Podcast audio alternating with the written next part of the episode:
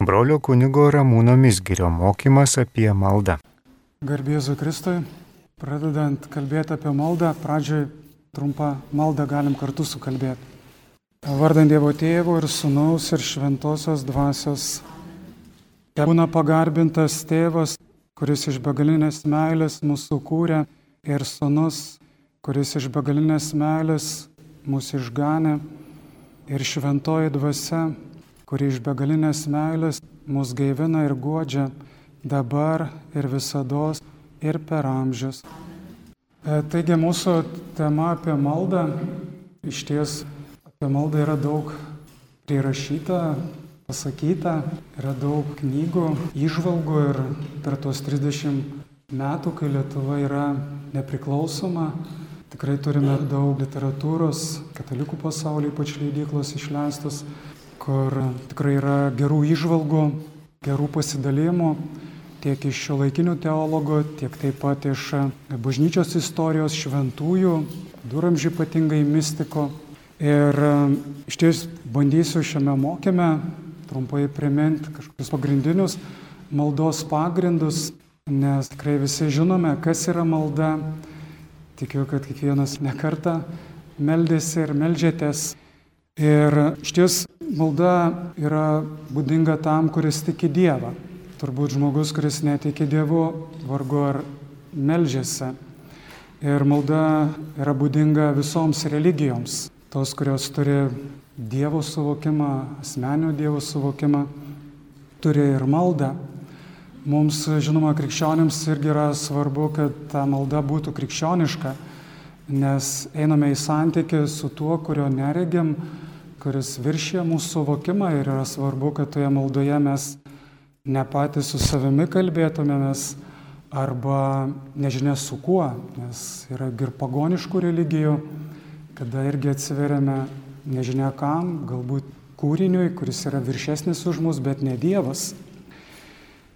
Taigi ir kalbant apie krikščionišką maldą, reikia iškart pradžioje pabrėžti, kad negalime išskirti kad yra kažkokių maldų krikščioniškų geresnių ar blogesnių, nes kartais pasitaiko, kad žmonės vaikosi tam tikromis intencijomis, ieškodami kažkokio galbūt optimaliausio maldos vienai ar kitai intencijai. Nes, kaip matysime šiame mokyme, iš ties krikščioniškos maldos esmė yra tas nuoširdumas, dėmesingumas, maldos žodžiam, tai ką darom, į ką kreipiamės. Taigi iš ties žinome daug įvairių maldų. Viena galbūt iš tokių seniausių tradicijų tai yra psalmės, švento rašto viena iš knygų. Įdomi tuo knyga, kad tai yra Dievo žodis skirtas žmogui, kuris tai žodžiais kreipiasi į Dievą. Nes visas šventas raštas tai yra Dievo žodis žmogui. Visos knygos tiek Senojo testamento, tiek Naujojo testamento Ir būtent vienintelė iš tų knygų psalmės tai yra žmogaus malda Dievo žodžiais į Dievą. Taigi ir mums krikščionėms, kaip ir judaizmo išpažinėjams, žydams, taigi psalminas irgi yra tikrai svarbi malda ir, kaip žinote, liturginės valandos, brevijorius, kurį dažniausiai meldžiasi vienuoliai, bet taip pat yra sudarytos galimybės ir pasauliečiams, būtent yra pagrindas tų liturginių valandų yra psalmės, psalmynas. Yra rožinės, yra litanijos, Jėzaus malda, tikrai yra daug įvairių maldų, kurios mums padeda būtent įžengti tą pokalbį su Dievu. Iš ties žinome, kad yra irgi maldos ar skirstomos į asmeninę ir bendruomeninę maldą. Kartu melžiamės su kitais jau yra malda bendruomeninė, kuri irgi yra ir Jėzaus rekomenduota, kai sako, kur du ar trys susirenka mano vardu, ten ir aš esu. Taigi tai irgi yra sena ne tik bažnyčios tradicija, bet irgi Senojo testamento tradicija. Žydai šabo dieną sinagogoje ar šventykloje, kuri dar stovėjo Jeruzalėje tais laikais, irgi susirinkdavo bendruomeniai maldai. Taip pat yra ir asmeninė malda, kur irgi matom irgi šventajame rašte ir Jėzaus gyvenime, kada jis palieka mokinius, palieka minę, melžiasi vienomoje. Kaip žinia, galime melstis ir garsiai ir tyliai, taip pat yra žodinė malda ir pat gėdant galima melstis. Yra maldos irgi skirstomos į dar į tai, kad tai gali būti šlovinimo, garbinimo malda, kaip ir pačiose psalmėse atrandame tą suskirstimą, kur irgi ir tikrai irgi šlovinamas Dievas, garbinamas už jo atliktus darbus žmonijos gyvenime ar konkrečiai tikinčiojo gyvenime. Yra taip pat dėkojimo malda, prašymo, atgailos arba atsiprašymo malda užtarimo, kada melžiamasi už kitus. Taigi yra platus spektras, kalbant apie maldą, bet taip konkrečiais, sukonkretinant, trumpai apibūdinant maldą, būtų galima įvardinti tai, kad iš ties malda nėra reikalinga Dievui, kuriejui. Kai melžiamės, reiškia, mes pripažįstam, kad yra kuriejas, yra Dievas, o mes esam kūrinys. Taigi malda irgi suponuoja tą tam tikrą žmogaus nuolankumą, kam būtent yra sunku peržengti melstas, nes pripažįsta liktai savo galbūt ribotumą, trapumą, o ypatingai ir šių dienų pasaulyje yra pabrėžiamas tas žmogaus, ta galybė, atrodytų iš pirmo žvilgsnio daug ką galim pasiekti patys ir be Dievo. Ir iš ties Dievui nereikalinga malda, reikalinga mums žmonėms tam, kad Dievas veiktų mūsų gyvenime, tuo pačiu pasaulyje. Ar žmonės tiki, ar melžiasi, ar netiki, ar nesimeldžia, Dievas vis tiek egzistuoja, jis yra esantis. Nuo to jo buvimas nei sumažėja, nei jo padaugėja. Bet kalbant apie Dievo veikimą, galime drąsiai sakyti, kad jis gerbė mūsų laisvę, žmogaus savo kūrinio ir savo tą veikimą neprimeta. Ir iš ties galim suvesti, kad žmogus, kuris melžiasi, atsiveria Dievo dvasiai, šventai dvasiai, kurie įžengia į to žmogaus gyvenimą ir jį perkeičia. Bet juk perkeisdamas žmogų besimeldžiantę, Dievas tuo pačiu keičia ir pasaulį, tą aplinką. Mes žmonės esame santykėje vienas su kitu, su Dievo kūrinė, su daiktais, kurie mūsų supa. Ir tie santykiai yra įtakojami mūsų vidinio gyvenimo, mūsų vidinio pasaulio, kurį, kaip minėjau, santykiai su Dievu išgyvenam tą pokytį per maldą. Ir per tai Dievo veikimas pasireiškia pasaulyje, mūsų, pirmiausia mūsų gyvenime, bet taip pat ir mūsų aplinkoje. Taigi yra ir gražus toks irgi įvaizdis, kad besimeldžiantis žmogus yra tas, kuris kaip atviras langas, kuris atidaro langą ir po tą langą patenka gaivaus oro ir šviesos. Ne vien tik tai to žmogaus gyvenimą, bet ir, ir mūsų aplinką, nes iš ties dvasiškai esame e, visi susaistyti, bet taip pat, kaip minėjau, ir tokiuose regimuose, tuose santykiuose, bendrystėje. Taigi tenka gaivaus oro, to šviesos, kurie atnaujina mūsų gyvenimus. Vienas iš bažnyčios tėvų, šventasis Jonas Laiptininkas, arba kartais dar vadinamas Klimakas, gyvenęs 7 amžiuje, sako, kad nereikia mokytis matyti, tai prigimtinis dalykas. Tikrųjų, jeigu žmogus gimsta su regėjimo dovana, jis mato, jis nesimoko. Tiesiog tai yra kaip duotybė. Ir toliau jis sako, kaip ir melstis. Maldos grožio negalima išmokti iš kito, ji pati yra mokytoja. Taigi ir kalbant apie maldą, tai, ką mes perskaitome ar išgirstame iš kitų, tai yra teorija, tai yra tas pats kaip žmogus, kuris galbūt yra aklas nugimimo ir išgirsta apie kitus, ką jie mato. Bet mokytoja maldos yra pati malda. Taigi išmokstama melstis melžiantis ir suprantame, kas tai yra. Taigi irgi tokia svarbi išvalga, kad galbūt kažkokį pagrindą mes turime gauti, kažką išgirsti, suprasti, žinot, kokios yra maldos, bet maldos skonį pajusti arba suprasti, kas tai yra malda, mes tą patiriame grinai praktiniam lygmenį, kada patys melžiamės. Malda irgi iš ties yra buvimas su Dievu arba Dievuje. Ir e, tam reikalinga tam tikra irgi dvasinė kova.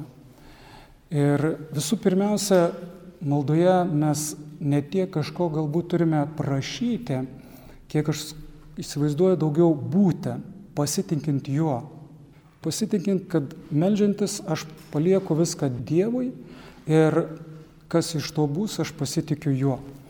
Nes dažnai, aišku, yra tas klausimas, ko prašyti, ar prašyti iš viso. Galbūt einant tikėjimo keliu ilgiau supranti, kad malda yra leidimas Dievui būti Dievu. Dažnai mes maldoje patys bandome įsakyti ar, ar primesti Dievui savo valią. Ir čia galbūt tada pasireiškia mūsų nepasitikėjimas juo. Žinoma, tiek šventame rašte ir evangelijose yra kalbama apie tai, kad prašykite ir gausite. Ir, ir bažnyčia, ir katekizmas katalikų apie tai užsimena, kad prašyti mes galime.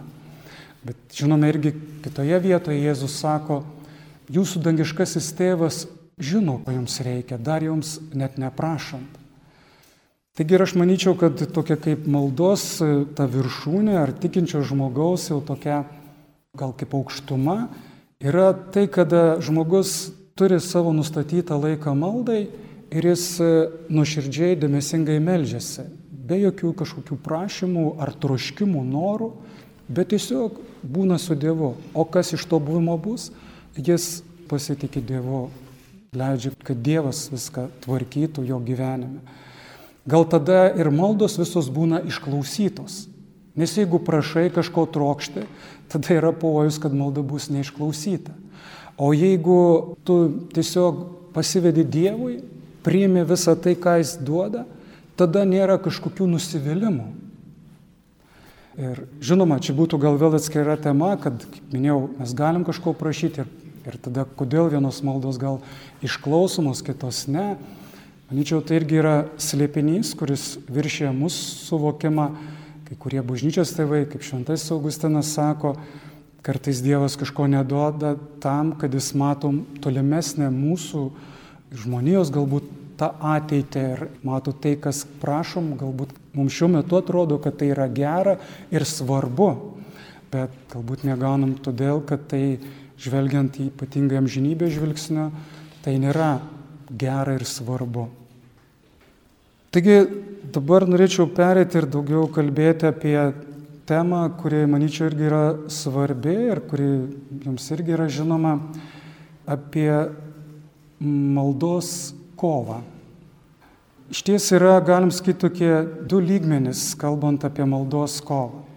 Pirmiausia, tai reikia pakovoti, kad nugalėti savo egoizmą ir tingumą melstis.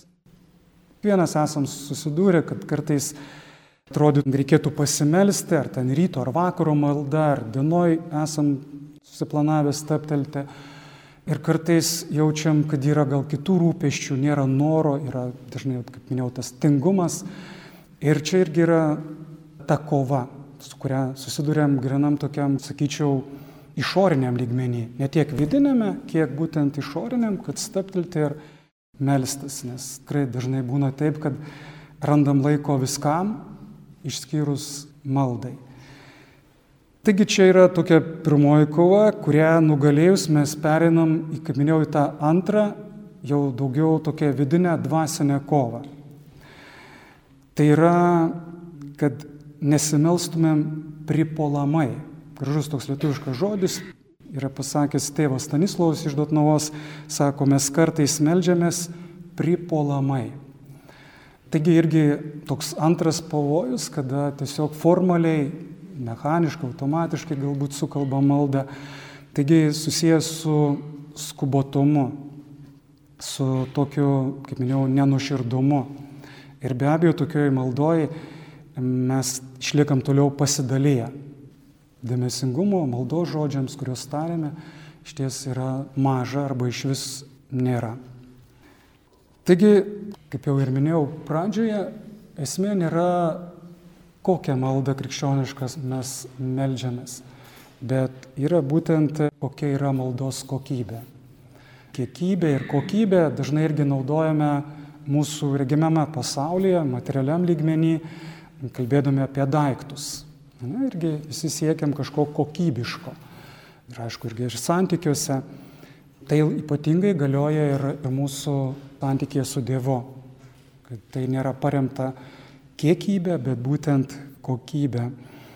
Ir yra gražus žodžiai katalikų bažnyčios katekizme, paskutinėme skyriuje, kur būtent ir kalbama apie maldą. Ten rašoma, kad melžiamės taip, kaip gyvename, o gyvename taip, kaip melžiamės. Tokie dviejų žodžių - gyvenimas, malda, kaip žaismas. Bet irgi yra tame tiesos, jeigu kiekvienas taip stapteltumėm ir pažiūrėtumėm, jeigu tos sumaišties yra mūsų santykiuose, mūsų darbuose, galbūt mūsų net kambaryje, kuriame gyvename, tai tai turbūt kažkaip atsispindės ir atsispindi ir mūsų maldoje. Ir jeigu iš ties malda yra bent intencija, kad būtų darni, tai daugiau yra galimybių, kad darnesni bus ir mūsų santykiai, mūsų ta aplinka, kurioje mes gyvename. Iš ties maldos e, kova arba maldos ta kokybė yra akcentuojama ir šventajame rašte, ir ypatingai bažnyčios tėvų, dykumos tėvų tradicijoje. Ir čia galim trumpai pažvelgti į švento rašto bažnyčios tėvų ištarmes, posakius, citatas tam, kad irgi labiau prisimintumėm, kas tai yra ta maldos kova, kaip kovoti. Evangelijoje pagal Matą šeštame skyriuje Jėzus pasakė tokius žodžius, kur tavo lobis, ten ir tavo širdis. Tam pačiam skyriuje jis vėl kitame, gal kitame kontekste sako, Niekas negali tarnauti dviem šeimininkams. Arba jis vieno nekes, o kitą mylės. Arba prie vieno bus prisirišęs, o kitą nieku vers. Iš pirmo žvilgsnio atrodytų tos citatos, bent kontekstas lyg ir nėra susijęs su malda. Bet bažnyčios tėvams tos citatos būtent kalba, kalba apie maldą. Nes būtent maldoje mes renkamės šeimininką, kuriam tarnausim. Malda yra tas lakmuso popierėlis. Lakmuso popierėlis chemijoje, kur parodo ten šarmuts, rūkštis. Tai irgi tas lakmuso popierėlis, kuris parodo, kur mano lobis. Reiškia, ten ir mano širdis. Būtent maldoje pasimato tai, kas, kas yra man svarbiausia, nes būtent maldoje m, iškyla mano rūpešiai, artimieji, sveikata, darbas, daug kitų dalykų, kurie nėra blogi. Gali būti, žinoma, ir maldo, ir nuodėmingos mintis ateiti. Bet dažnai aplanko būtent tie kasdieniai rūpeščiai. Taigi maldoje mes renkamės, kam tarnauti, ar būti maldoje su maldo žodžiais ir su Dievu, tai yra kovoti, palikti tos rūpešius, nuo jų nusigręžti Ar vis dėlto mes tariam toliau maldo žodžius, bet širdyje esam su kažkuo kitu. Ir Pelenų trečiadienį buvo tekstas irgi iš Šventojo rašto, Mato Evangelijos šeštame skyriuje. Jėzus sako, kai tu panorėsi melstis, eik į savo kambarėlį ir užsirakinęs melskis savo tėvui esančiam slaptoje. Taigi ir čia pirmiausia atrodytų, kad irgi kalbama apie tą vidinę erdvę, apie kambarį, apie kvietimą melstis vienumoje. Ir tai yra taip. Bet ne vien. Nes iš ties tas mūsų kambarėlis yra ir mūsų širdis. Ir čia vėl esame kviečiami uždaryti duris, langines, tai yra uždaryti pasaulio rūpeščiams, mintims, vaizdiniams. Ir likti toje slaptoje su tėvu. Taigi vėl tas veidas į veidą, kada liekam tik su juo. Taigi nusigręžti nuo išorinės veiklos, troškimų, daiktų, rūpešių, nuo baimių. Taigi ir čia svarbu pabrėžti, kad kiekvienas susitikimas su Dievu yra malda. Tačiau ne kiekviena malda yra susitikimas su Dievu. dažnai mes girdime, kad ir, ir gal mes kunigai per pamokslus kviečiam žmonės melstis, sakom, kaip yra svarbu malda. Bet dažnai užmirštam pridėti ir antrą sakinį, kad e, ar tai tikrai bus malda, vėl priklauso nuo mūsų. Ar mes turime intenciją stoti tą dvasinę vidinę kovą su įsiblaškimu. Nes nuo to priklausys, ar, ar tai buvo malda ar ne. Taigi, nes, kaip minėjau, dažnai būna, kada melžiamės be pasiruošimo ir be didelio noro bendrauti su Dievu. Mato Evangelijoje, septintame skyriuje, viešpat sako, ne kiekvienas, kuris man šaukia viešpatė, viešpatė, įeis į dangaus karalystę. Taigi žodžiai viešpatė, viešpatė yra kreipinys, yra malda. Bet sakoma, kad nebūtinai tai yra būtent ta malda, kuri veda link dangaus karalystės. Pirmajame laiške korintiečiams apaštalas Paulius 14 skyriuje rašo, aš melsiuosi dvasia ir melsiuosi protu. Šties dažnai mes išgyvenam tą vidinį skelimą. Dvasia ir protas kažkaip yra suskilę. Taigi iš ties daug to skelimo mūsų gyvenimuose, pasidalinimo ir čia būtent esam kviečiami maldoje, kiek galim, kad būtų to mažiau, kad dvasia ir protas melstusi kartu. Kalbant apie maldos kiekį ir kokybę yra irgi toks gražus Tomo Mertono įvaizdis. Tomas Mertonas, prie tam amžinė gyvenęs vienuolis, trapistas, jis tokia irgi pateikia gyvenimišką pavyzdį, kuris irgi atrodytų, kad nieko pradžio lyg bendro neturi su malda, bet galim irgi bus perkelti, kad tai irgi yra kalbama apie maldą. Jis pateikė tokį pavyzdį, kad sako, įsivaizduokim, esame turistų ar piligrimų grupė atvykusi kažkokį tai miestą ir mes užeiname į didelį muziejų, kuriame yra daug paveikslų. Ir e, muziejus didelis, o mes gal turime tik tai valandą laiko. Ir yra, sako Tomas Mertonas, toks kaip tokie du pasirinkimai. Arba tiesiog bandyti per tą vieną valandą taip greitai praeit, peržiūrėti tuos paveikslus ir po to, aišku, grįžus pasakyti, kad buvo muziejui, kad mačiau visus paveikslus kabutėse. Arba galbūt steptelti prie vieno paveikslo ir užmiršti visus kitus paveikslus ir tą valandą skirtam vienam paveikslui. Tada jis sako, kad iš ties kažką mes tada pamatytumėm, praturtėtumėm savo vidumi. Taigi čia irgi galim, kaip minėjau, perkelti į maldos gyvenimą, kad kartais būna situacijų, kada žmonės būna užsibrėžę, kad ten reikia kasdieną ar po tris rožinius sukalbėti ir paskui yra pilna ir darbų, vakarė jau mato nespėja, ir, ir bet vis vien reikia tą padaryti ir kalba, kalba tas maldas. Ir čia yra panašiai būtent kaip su tuo pavyzdžiu, kada žmogus Atrodo, praeina, visus tos paveikslus pamato, bet ar tikrai savo viduje kažko praturtėjo, ar tikrai susitiko Dievą tokioje maldoje. Taigi ir Senajame testamente, pranašo Izaijo knygoje yra rašoma, ši tauta tik liežuviu tiesertina prie manęs, vien tik lūpomis te garbina mane, jos širdis yra nutolusi nuo manęs. Taigi pranašai irgi matė, kad Senojo testamento tautos kunigai, rašto aiškintojai daug ką darė irgi formaliai, mechaniškai. Ir tai ypatingai lieti irgi ne tik ten aukojimus, atnašas ir taip pat maldą, kad tik liežuviu artinosi prie Dievo lūpomis, bet, bet ne širdimi. Taigi Dykumos tėvai akcentuodavo, kad iš ties mes esame nu, trapų žmonės. Ir vienas, viena galbūt iš tokių gimtosios nuodėmės pasiekmių yra mūsų pažeista vaizduotė, mūsų ir mąstymas.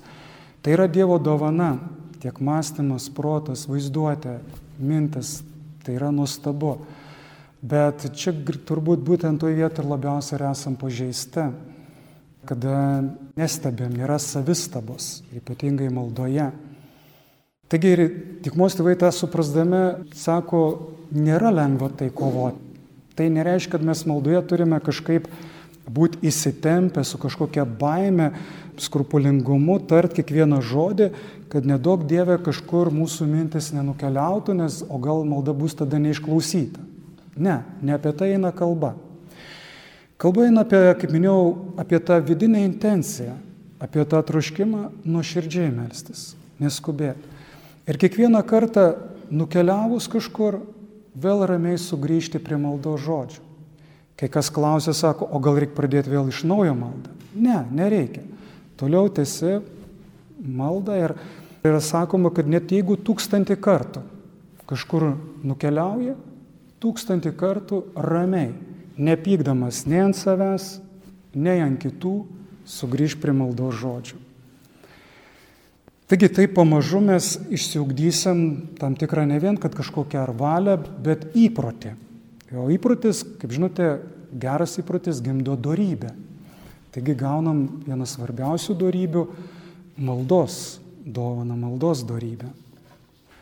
Yra toks pasakojimas iš e, šventojo Bernardo Klerviečio, kuris turbūt žinote yra parašęs tą maldą Atsimink maloningoji mergelė Marija.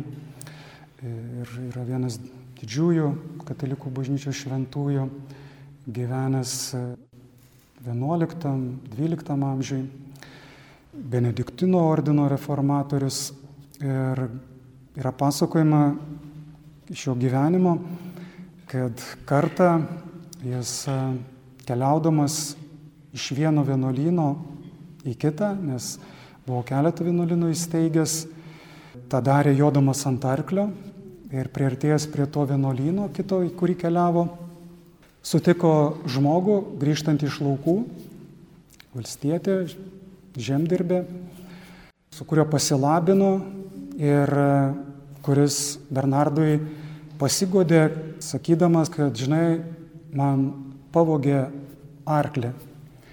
Sako, tu jau čia arti vienuolyno, gal tu galėtum man savo arklį atiduoti, padovanoti. Bernardas sako, gerai, bet su viena sąlyga, kad tu ramiai dėmesingai, neįsiblaškęs, sukalbėsi tėvę mūsų maldą. O tas žmogus sako, gerai, tikrai, čia žarklį viena, tėvė mūsų tikrai galim. Bekalbant tėvę mūsų maldą jam, pusiaukelį jis sustoja ir klausia Bernardo, o arklė man su balnu atiduosi ar be balno? Tai čia toks galbūt jums girdėtas irgi pasakojimas, bet tu pačiu irgi vaizdžiai atskleidžiantis, kad ir mes dažnai melzdamiesi galvojam, čia arklį gausim su balnu ar be balno. Tai yra irgi tie žemiškai rūpeščiai, kurie, kurie būtent sujaukia mūsų tą vidinį, kaip minėjau, kambarėlį ir tuo pačiu tą maldos kambarėlį ir tuo pačiu tą mūsų maldą. Taigi, svarbiausia mūsų širdžiai būti čia ir dabar su tuo, kuriam kalbame melzdamiesi, kurį kreipiamės. Jau šventasis Jonas Auksaburnis irgi yra pasakęs, ar mūsų malda bus išklausyta, priklauso ne nuo žodžių gausumo, bet nuo mūsų sielo įkarščio. Taigi tą sielos įkarštį irgi galime suprasti kaip tą nu, troškimą, tą nuširdumą, tą, tą meilę, atsidavimą maldai, sugebėjimą mirti tam išoriniam pasauliui Taigi ir čia Jonas Auksaburnis irgi pradeda sakydamas, ar mūsų malda bus išklausyta. Yra, kaip žinote, Evangelijoje Jėzaus pateiktas palyginimas apie muitininką ir fariziejų, kurie ateina melstis į šventyklą. Ten turbūt visi prisimenate tą palyginimą, kada muitininkas melžiasi sakydamas, viešpatie būk man gailestingas nusidėlėm, O fariziejus sako, viešpatie, aš pasininkauju ten du kartus per savaitę, moku dešimtinę, nesu toks kaip kiti, kaip tas muitininkas, sukčius, taip toliau.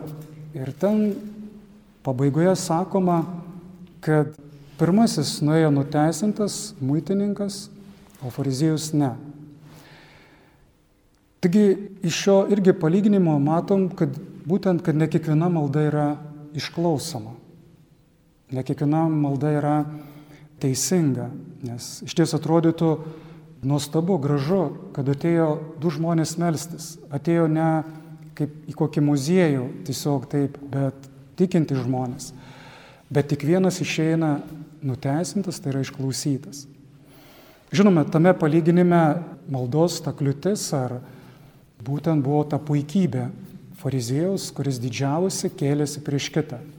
Ir žinoma, neišklausytum, kodėl ne visos maldos yra išklausomos ar primtinos Dievui, tai yra be abejo daugiau tų priežasčių. Kaip minėjau, viena iš puikybė gali būti, gali būti malda, kada melžiamasi linkint kažkam blogą, tai žinoma, tokia irgi malda yra beprasme. Bet dažniausiai pasitaikanti kliūtis mūsų, mūsų maldos gyvenime yra būtent ta, apie kurią ir kalbame, mūsų, mūsų ta intencija, nusistatymas vidinis, skubotumas, nekovojant su įsiblaškimu. Mes žinome irgi iš Evangelijos teksto ir taip pat iš apaštalo Pauliaus laiškų e, kvietimą visuomet melstis ir nepaliauti. Tai randame ir Luko Evangelijoje, apaštalo Pauliaus laiškuose. Pavyzdžiui, pirmajam laiškė tesalonikiečiams Paulius sako, be paliovos melskitės. Arba laiškė fiziečiams, kiekvienu metu melskitės dvasioje visokiojopomis maldomis ir prašymais. Be paliovos būdėkite malda užtardami visus šventuosius.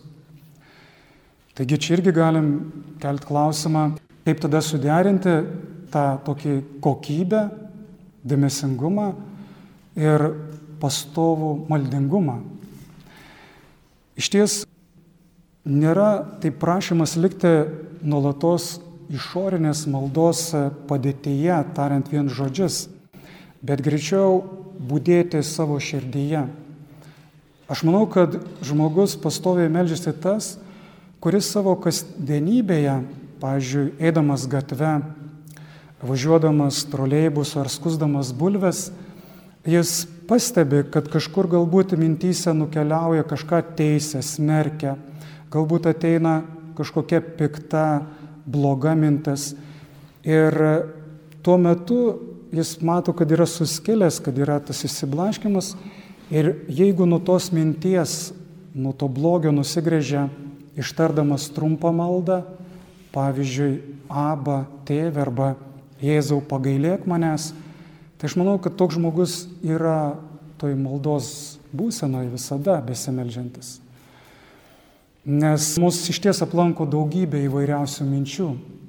Ir čia yra iš ties svarbu, kad mes pastebėtumėm, kartais gali būti net leidimo mintis, tada galbūt kitą laiminame vėl tą trumpą maldą. Taigi, tos vadinamos strėlinės maldos, kurios karts nuo karto ištariamos, vienas ar du žodžiai apie tas strėlinės maldas ir patarčiau paskaityti, gal kam jau teko skaityti, tokia yra knyga Praeitais metais katalikų pasaulio įdyklos išleista e, Nežinojimo debesis, parašyta XIV amžiuje, nežinoma taip pat autoriaus, spėjama, kad tai buvo vienuolis, anglas, gyvenęs būtent tuo laiku ir parašęs būtent tą knygą Nežinojimo debesis. Taigi tikrai, manyčiau, irgi verta knyga, kalbant apie maldą, apie tą vidinę maldą, mūsų tą dvasinę kovą. Taigi, grįžtant vėl prie tos minties, yra kartais tradicija, pažiūrėjau, Tono kalno vienuoliai ir dirbdami kartais kartoja pastoviai Jėzaus maldą. Galbūt ir tai galima daryti, tik aš manyčiau, irgi yra tas klausimas, kiek tai nuoširdu ir kiek tai yra dėmesinga. Dar galbūt priklauso, kokį darbą žmogus dirba.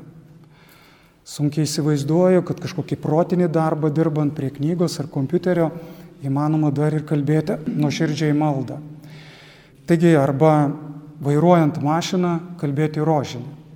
Yra kartais ta tradicija, sakykime, važiuoja maldininkai mašinoje, kalba rožinį. Tas, kas nevairuoja, aš sutinku, tokia malda įmanoma. Bet čia tas vairuoti ir kalbėti maldą, rožinį, ilgesnė tokia malda, tai man atrodo, čia irgi toks bandymas vienu, vienu šūviu nušauti, kaip sako, du zuikius. Ir mokytojo Koheleto knygoje rašoma, kad viskam yra metas. Kiekvienam reikalui tinkamas laikas po dangome. Ir galbūt prisimenate tą tekstą iš trečiojo skyriaus mokytojo knygos ir ten yra tokia kaip visa litanija. Laikas gimti, laikas mirti. Laikas sodinti, laikas nuimti derlių ir taip toliau eina. Ten nėra įrašyta, kad laikas melstis ir laikas vairuoti automobilį. Bet manyčiau, iš to tekstos irgi yra tam tikra irgi nuoroda.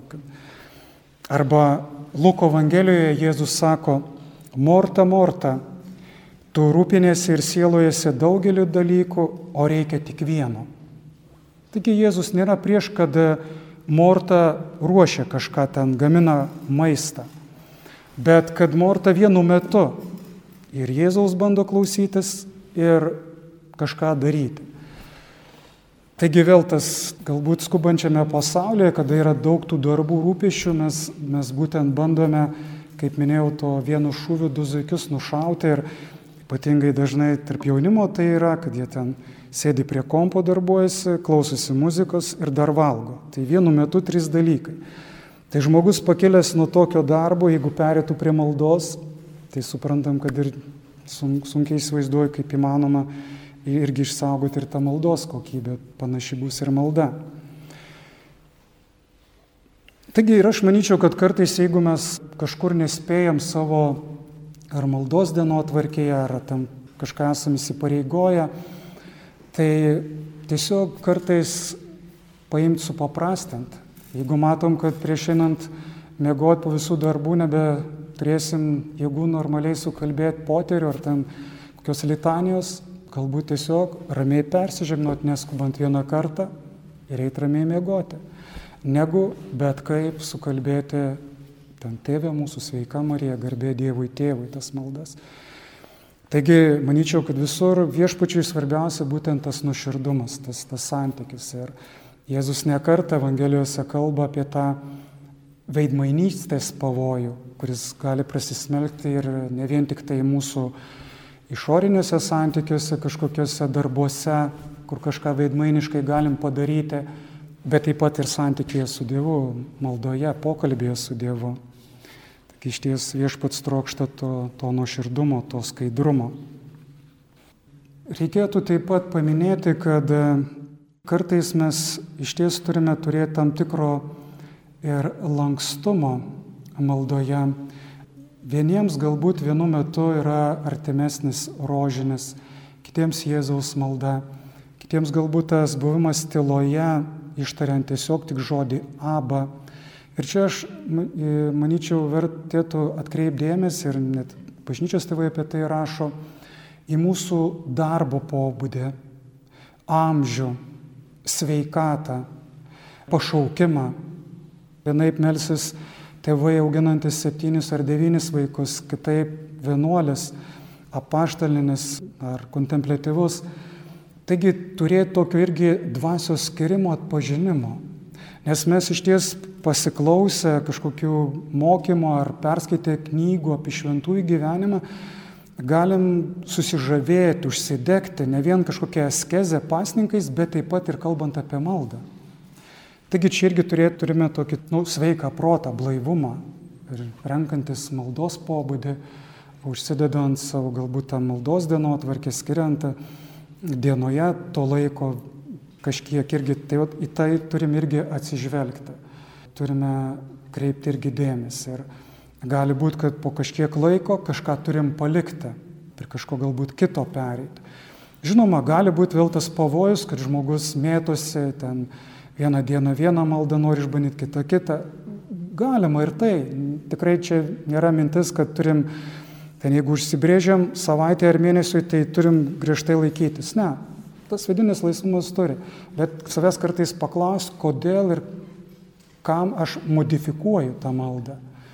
Vėl tą intenciją iš, išgryninti. Ir toks galbūt nedidelis niuansas, bet aš manyčiau irgi yra svarbus. Laidoje girdėjote brolio kunigo Ramūno Misgirio mokymą apie maldą.